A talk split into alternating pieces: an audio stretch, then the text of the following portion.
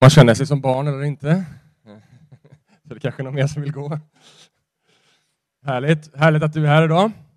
Eh, jag är lite extra hes, jag har varit förkyld, eh, men jag har tagit två coronatest den här veckan. Jag har inte corona, jag har två skott i armen och eh, känner mig rätt pigg, men jag låter lite rosslig så jag hoppas att du är okej okay med det. Man vill ju inte missa tillfället att predika Guds ord. Det, det ska mycket till innan man ställer in det. Eh, och så fint idag, det, jag bara slog mig här i lovsången hur det kom ett sms till oss för, är det två år sedan eh, tror jag, som Alex, som ledde låsången idag, skickade ett sms. Eh, och jag hörde att du är pastor, jag behöver träffa en sån. Eh, och idag så står han här och leder lovsång tillsammans med mig och jag ska predika. Vi har en resa på två år tillsammans där vi har fått upptäcka tro och, och eh, det känns otroligt fint. Eh, så glad att du eh, är med i vår gemenskap och att du idag när resten av lovsångsbandet är på annat håll, säger hur skulle jag kunna säga nej till Jesus? Det är klart jag kör själv. Det är rätt. The right spirit. Underbart. Herre, jag tackar dig för att du är mitt ibland oss den här, den här stunden, Herre. Tack att du håller din hand över mina stämband, Herre.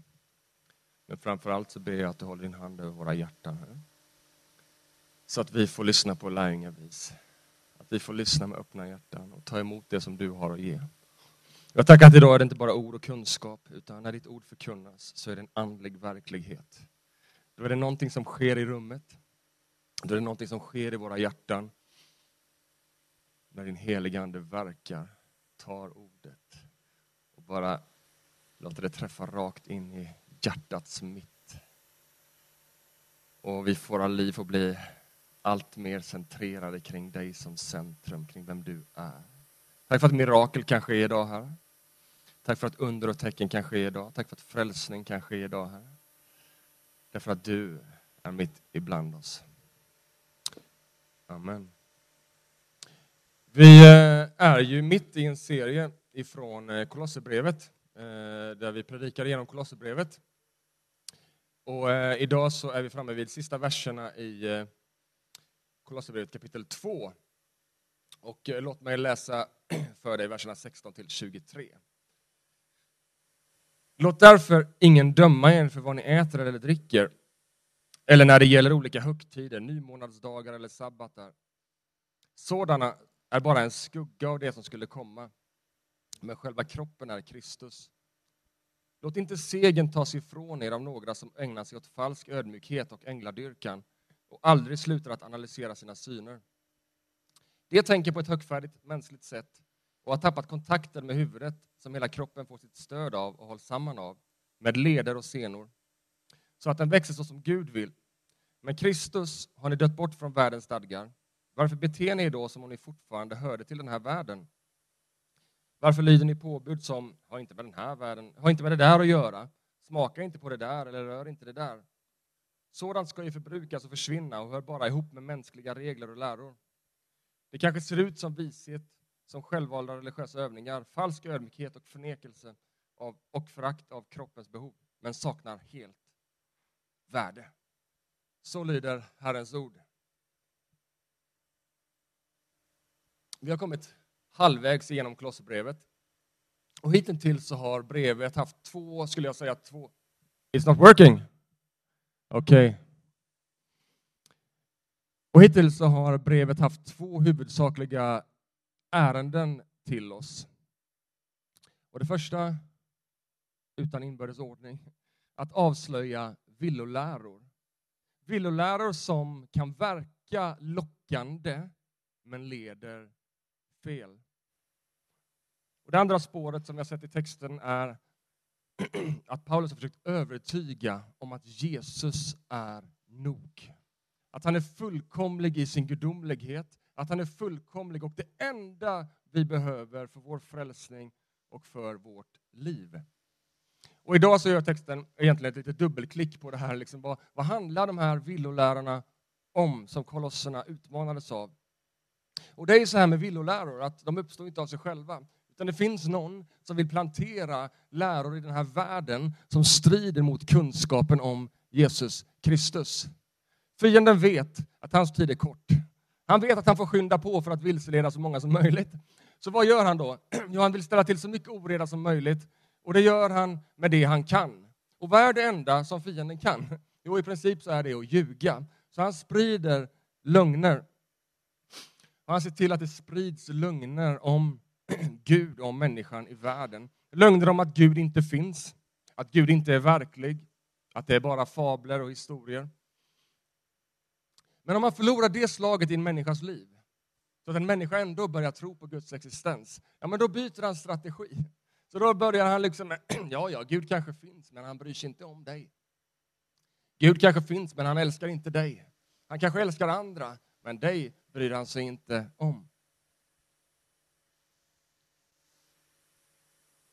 Men om man förlorar också det slaget över en människa och över en människas liv, då försöker han med alla möjliga strategier för att få dig och mig att hamna i det ena eller det andra diket. Om vägen är här så vill han att vi ska hamna där eller där. Och villoläran i dagens text har flera bottnar och aspekter. Och kan liksom, när man läser det här ska man undra vad har det här att göra med mig? Och det har liksom med judiska läror och ceremoniella ritualer som blandas med ängladyrkan. Och faktum är att det var vanligt i, i runt om i, liksom i området där, Kolossai, att man höll på med ängladyrkan.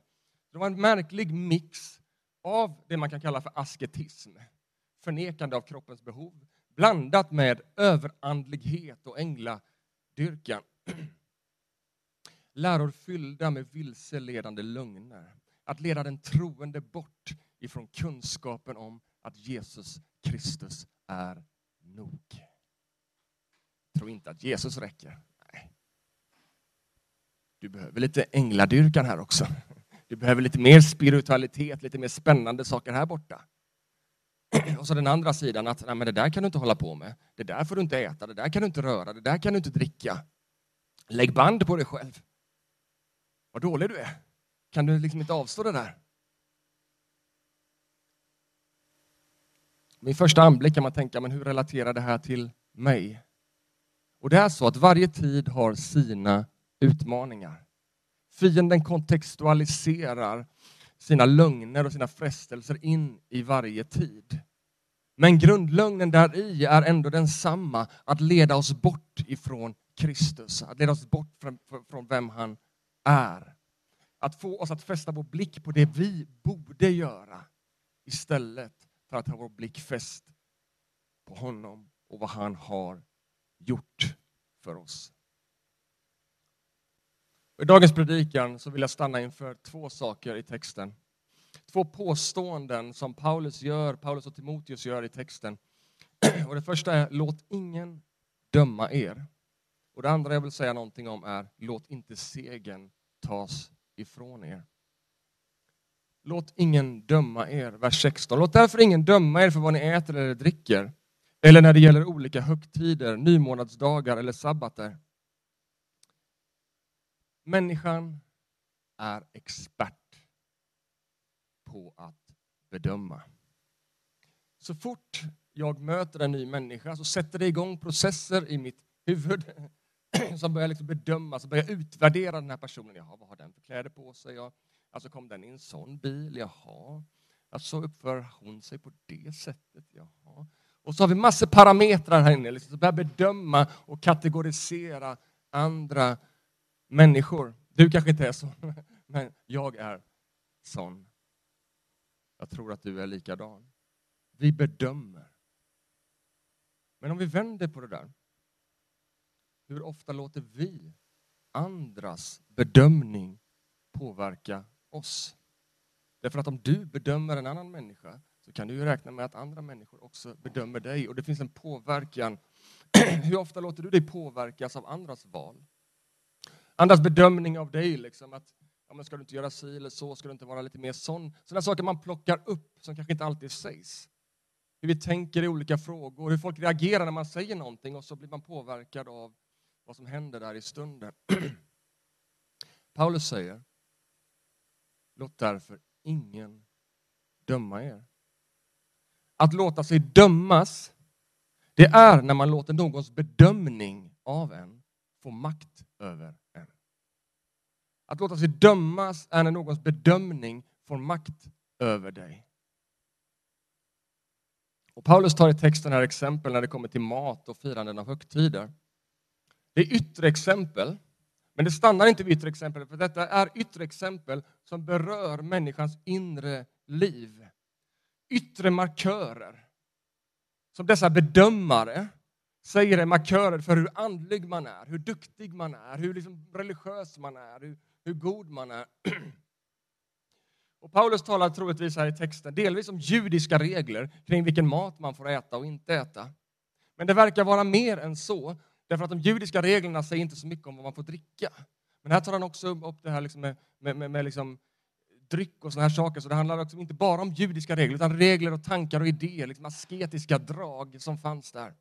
Och man har liksom bestämt sig för vad som passar in och inte passar in. Om du ska vara en god religiös människa så är det vissa saker som passar sig och andra inte. Att avstå från kött kanske var en sån sak, vi vet inte riktigt. Att avstå från vin, troligtvis, i och med att han tar upp det här med dryck. Absolut, Bibeln talar massor om balans.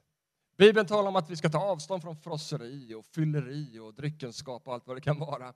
Sundhet och nykterhet är bibliska dygder, det är bra grejer. Men vi ska akta oss. Kom fingret upp.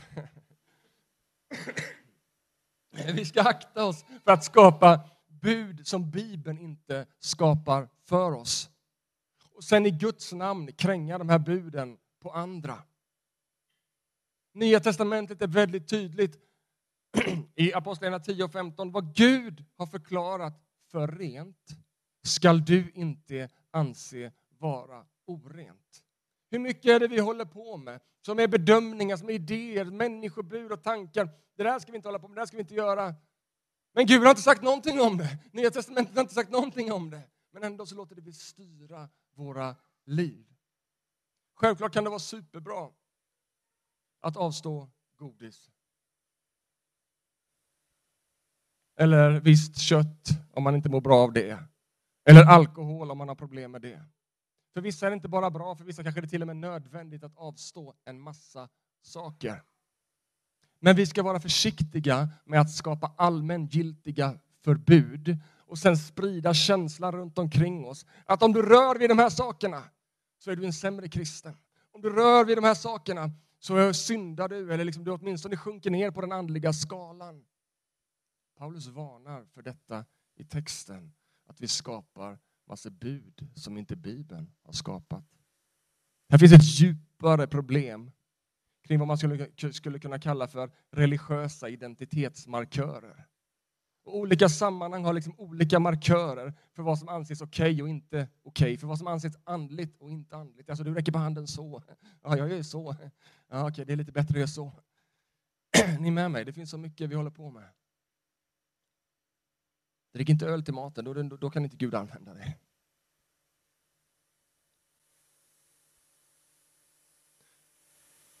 Paulus lyfter upp andra identitetsmarkörer än mat. Han börjar tala om högtider och nymånadsdagar och sabbater. Principen är exakt densamma. Att man liksom håller fast vid saker, vid bud, vid idéer och tankar som faktiskt inte Nya Testamentet håller fast vid.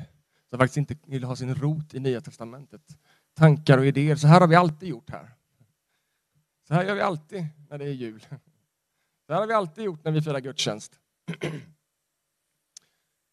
Och genom att hålla fast vid de här reglerna, genom att hålla fast vid de här kulturell, kulturella mönstren så har man sin identitet. Och man tycker liksom, ja, jag är ganska bra ändå. Och för de nykristna judarna så fanns det både en kontinuitet, vad man kallar det, nu kommer lite så här teologiord, men det fanns både en kontinuitet med Gamla Testamentet saker att hålla fast vid som, som liksom finns i, i Gamla Testamentet, som vi fortsätter hålla fast vid i Nya Testamentet. Men det finns också en diskontinuitet. Vad är det i Gamla Testamentet som faktiskt i Kristus har fått sin uppfyllelse så att det inte längre gäller oss på det sättet? För att Gamla Testamentet hade en mängd olika ceremonier och regler och idéer. Men enligt Paulus så var de, många av de här sakerna bara en skugga av det som skulle komma i vers 17 som vi har läst här idag så står det så här. Sådana är bara en skugga av det som skulle komma, men själva kroppen är Kristus. Vad är en skugga? Konturen, bilden av något, men utan verklighet. Har du sett en skugga har du sett något, men du har inte sett objektet, du har inte sett verkligheten som ligger bakom skuggan, du har bara sett konturen av det verkliga. Du har inte sett det verkliga. Något som har formen av något, men utan substans. Man skulle kunna prata om religion som beteendemanagement, hur vi liksom hanterar vårt beteende. Den typen av religion saknar verklighet. Det är bara en skugga. Lagar, regler och bud och religion, om de inte är direkt rotade i efterföljelsen av Jesus Kristus, så som Nya Testamentet uppenbarade för oss, så är det död religion. Det är bara beteendemanagement. Det saknar kontakt med verkligheten. Det vi kallar det till är inte att hålla på med massa beteenden, utan vi kallar det att följa Jesus Kristus. Det är det vi gör. Sen får det massor konsekvenser. Men vi håller inte på med konsekvenserna, vi håller på med verkligheten. Är ni med mig?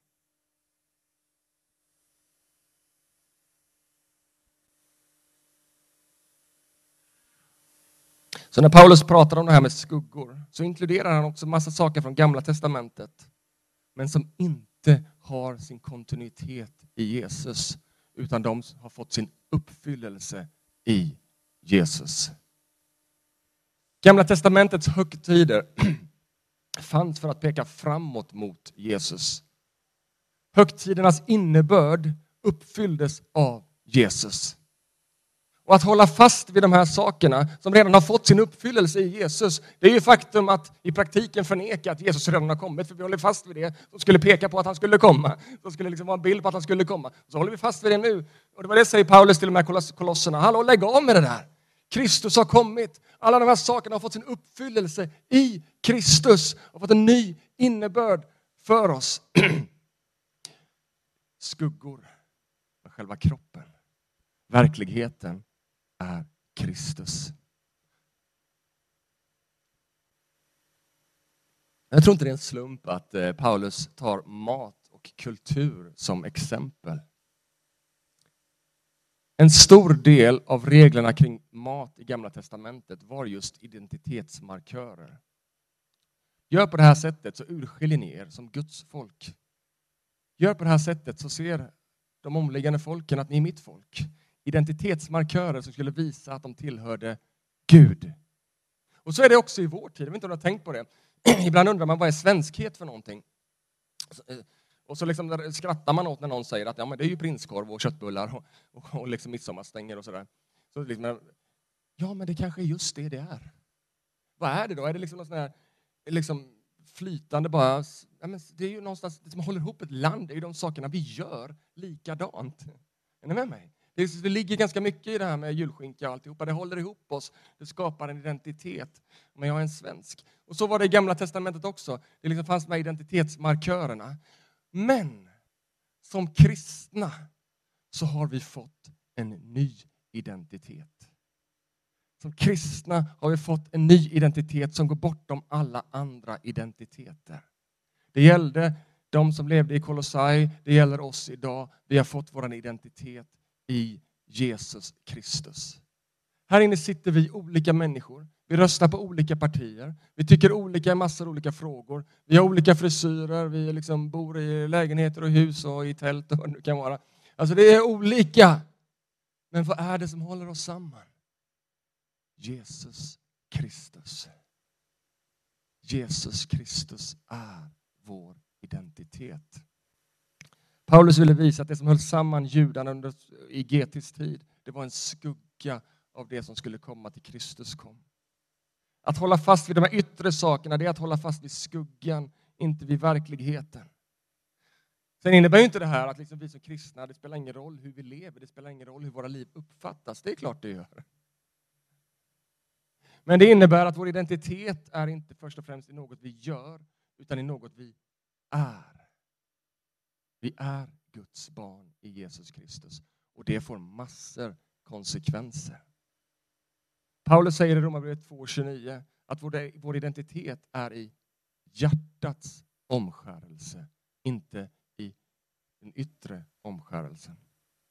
Vår identitet är i Kristus, i tron på honom och i ett förvandlat hjärta. Och Det får konsekvenser som blir synliga genom våra liv i renhet, helighet, kärlek. Och så får vi göra vår Herre känd i världen. Låt därför ingen döma er. Och den andra punkten i min predikan, låt inte segern tas ifrån er. Vers 18. Låt inte segern tas ifrån er av några som ägnar sig åt falsk ödmjukhet och ängladyrkan och aldrig slutar att analysera sina syner. Paulus fortsätter med samma argumentation men lyfter nu fram en annan sida av myntet. Om den första sidan av myntet var låt ingen döma er för att ni inte är asketiska nog, för att ni inte lägger band på er nog, för att ni inte håller fast vid gamla traditioner nog. Så säger han nu, liksom, nu den andra sidan av myntet som talar om överandlighet borde vara mer andligt, borde vara liksom mer av spektakulära saker. Och det, det kan man ju tycka, men här talar han om liksom, ängladyrkan, att liksom söka andlighet utanför Jesus Kristus. Så kom ihåg att fienden hela tiden försöker putta oss i det ena eller det andra diket, eller i båda två samtidigt. Sanningen är Jesus, han som är vägen och livet. Vi har inget att hämta i dikena som du och jag behöver. Det enda vi behöver finns i han som är vägen, sanningen och livet. Och är det någonting vi gör genom den här serien, genom Kolosserbrevet, så är det att slå fast att Jesus Kristus, han är centrum. Jesus Kristus, han är det enda vi behöver. Och håller du på med tarotkort, håller du på med liksom spårdom och läser massor astrologi, vad heter det, så här spåannonser, och håller du på och går liksom och besöker häxor, eller jag läste statistik att det här med häxor ökar, har gjort de senaste 20 åren drastiskt. Jag hörde också att kristna går och söker i andra källor än i den källan som är given till oss. Lägg av med det. Därför att det enda du behöver det enda du behöver, inte bara för ditt eviga liv, utan också för ditt liv här och nu, det är Jesus Kristus. Det är han som har gett sig själv, han som är fullheten av Gud. Han är allt du behöver.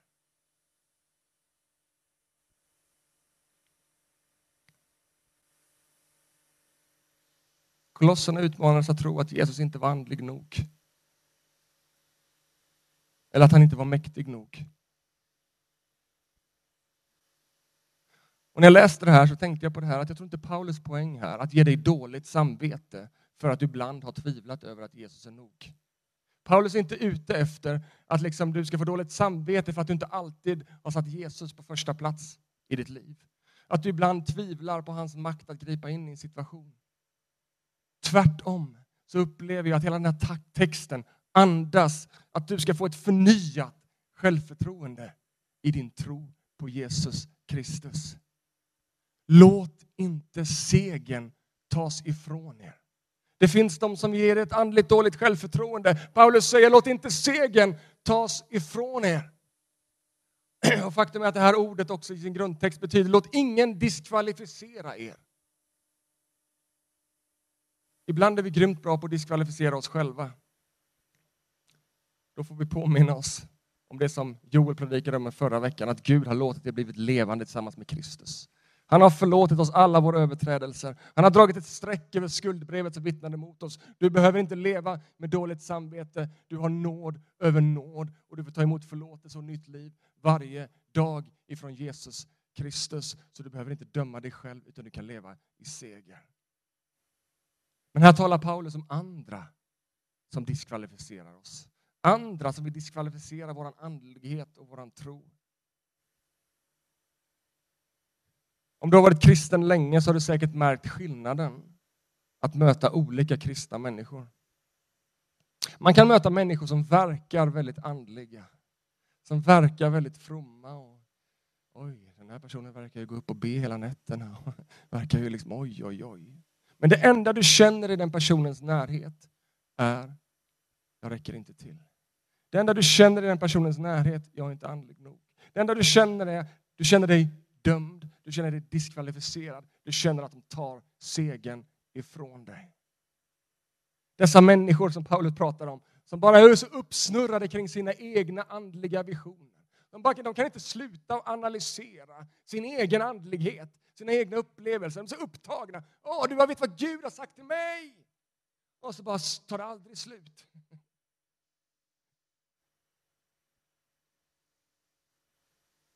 Så kanske du har mött andra människor. Verkar inte sådär jättemycket på ytan. Men ju mer du umgås med dem, ju mer du pratar med dem, desto mer känner du hur din tro växer. Du känner wow, hur din insida får liv. Du känner, amen, wow, jag får vara med. Wow, Gud kan använda mig. Det kanske inte är så illa som jag trodde. Istället för att segern tas ifrån dig, så känner du att segern ges tillbaka till dig. Tänk att Gud vill använda mig. Paulus säger om den första kategorin, det kanske ser ut som vishet och som självvalda religiösa övningar, falsk ödmjukhet och det förnekelse och frakt för kroppens behov men saknar helt värde. Sån andlighet ska vi inte hålla på med, uppblåsthet. De sätter sig på sina höga hästar och får andra att känna litenhet. De tänker på ett högfärdigt sätt, säger Paulus.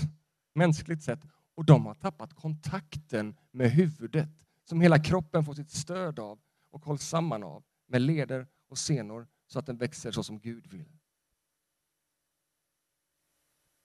Stabilitet och andlighet kan gå hand i hand. Det är vad den här texten säger. När vi har kontakt med huvudet så får vi stabilitet utav kroppen och sann andlighet kan, kan frodas och spira därför att den har kroppen som håller ihop det med senor och muskler. En sån andlighet vill vi representera i den här församlingen. En sån andlighet vill vi tro på. En sån andlighet vill vi uppmuntra till. En andlighet som lyfter andra, inte som sänker andra. Inte som håller på och jämför, utan en andlighet som bara finns för att betjäna, för att lyfta, för att stötta. All annan andlighet, säger Paulus, har tappat, huvudet med, med, med, har tappat kontakten med huvudet. Men sann andlighet springer ur huvudet, kommer ur Jesus Kristus. Det är han som ger av sin ande. Det är han som ger av sin närhet. Andlighet är inte något vi kämpar oss till utanför Kristus. Ja, det måste gå här och hålla lite ängladyrkan här borta som de höll på med i Kolossan. Nej, nej, nej. Vi kämpar oss inte till det utanför Kristus. Det är oss givet i Kristus. En närhet från den högste guden. Den helige ande blir oss given i tron. Den helige Ande leder oss inte bort från kroppen. Ibland möter man de här Lonely Rangers. Det är ofta de här som liksom har, inte kan sluta prata om sina egna syner. De springer på sitt eget håll därför att äh, församlingen är, det är bara en bromskloss. Faktum är att då säger Paulus, då är man på väg bort också ifrån han som är huvudet. Det Jesus Kristus gör är att inlämna oss i kroppen där hans helige ande flödar. Där det finns stöd och uppmuntran och hjälp ifrån varandra. Där Jesus Kristus är Herre och huvud. Och där kopplad med kroppen, kopplad med han som är huvudet, där säger Paulus, där får hela kroppen sitt stöd. I en och samma ande, i en och samma kropp så stödjer vi varandra. Så säger han också att där hålls hela, där hålls hela kroppen samman och samma ande, i en och samma kropp, så förenas vi i samma identitet till en Guds familj. Du har fått en ny familj. Du har kvar din jordiska familj, men du har fått en andlig familj som du får tillhöra. Och så säger Paulus också att där växer vi så som Gud vill. Wow, där vill jag vara. Den platsen där jag växer så som Gud vill. I ensamhet så tänker vi på vårt eget. Och vi riktar vår tillväxt mot våra egna behov. Men i den kristna gemenskapen, där ser vi andras behov. Där ser vi, oj, här behöver jag ge av mitt ekonomiska välstånd för att andra ska få någonting. Här behöver jag ge av min tid för att andra ska växa i tron. Här behöver jag hjälpa någon att flytta för att den är ensam. Här behöver jag ringa. Är ni med mig? Det finns ett stöd, det finns en tillväxt och i det växer vi. I det växer vi när vi tar ansvar för varandra så som Gud vill. Låt ingen döma er för att ni inte håller bud som redan fått sin uppfyllelse i Kristus. Låt ingen diskvalificera er för regler som Gud aldrig har gett. Och jag avslutar med Kolosserbrevet vers 2, kapitel 2, vers 2. Mitt mål är att ni ska styrkas i era hjärtan. Bindas samman i kärlek och nå fram till hela den djupa och rika insikt som är kunskapen om Guds hemlighet, nämligen Kristus själv. I honom finns vit, vishetens och kunskapens alla skatter gömda. Amen.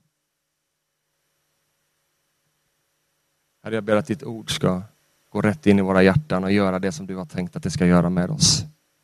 Jag ber nu i slutet av den här gudstjänsten, helige Ande, var fri att tala och verka och beröra.